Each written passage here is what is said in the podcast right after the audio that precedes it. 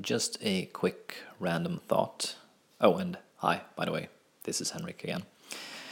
Uh, I was wondering, am I the only one who gets really annoyed when uh, written, uh, when people in writing capitalizes the I in iPad, iPhone, iPod, and such, and lowercases the rest of the of the letters? I don't know how international news media uh, treats the Apple devices. I've never thought about it, but uh, Swedish uh, papers and magazines and such, and web pages uh, from uh, big publishers tend to write iPad, for instance, with a capital I and then lowercase p a d. Same with iPhone and so on. And I think it looks really ugly. While I think the lowercase i and then the uppercase p looks much better.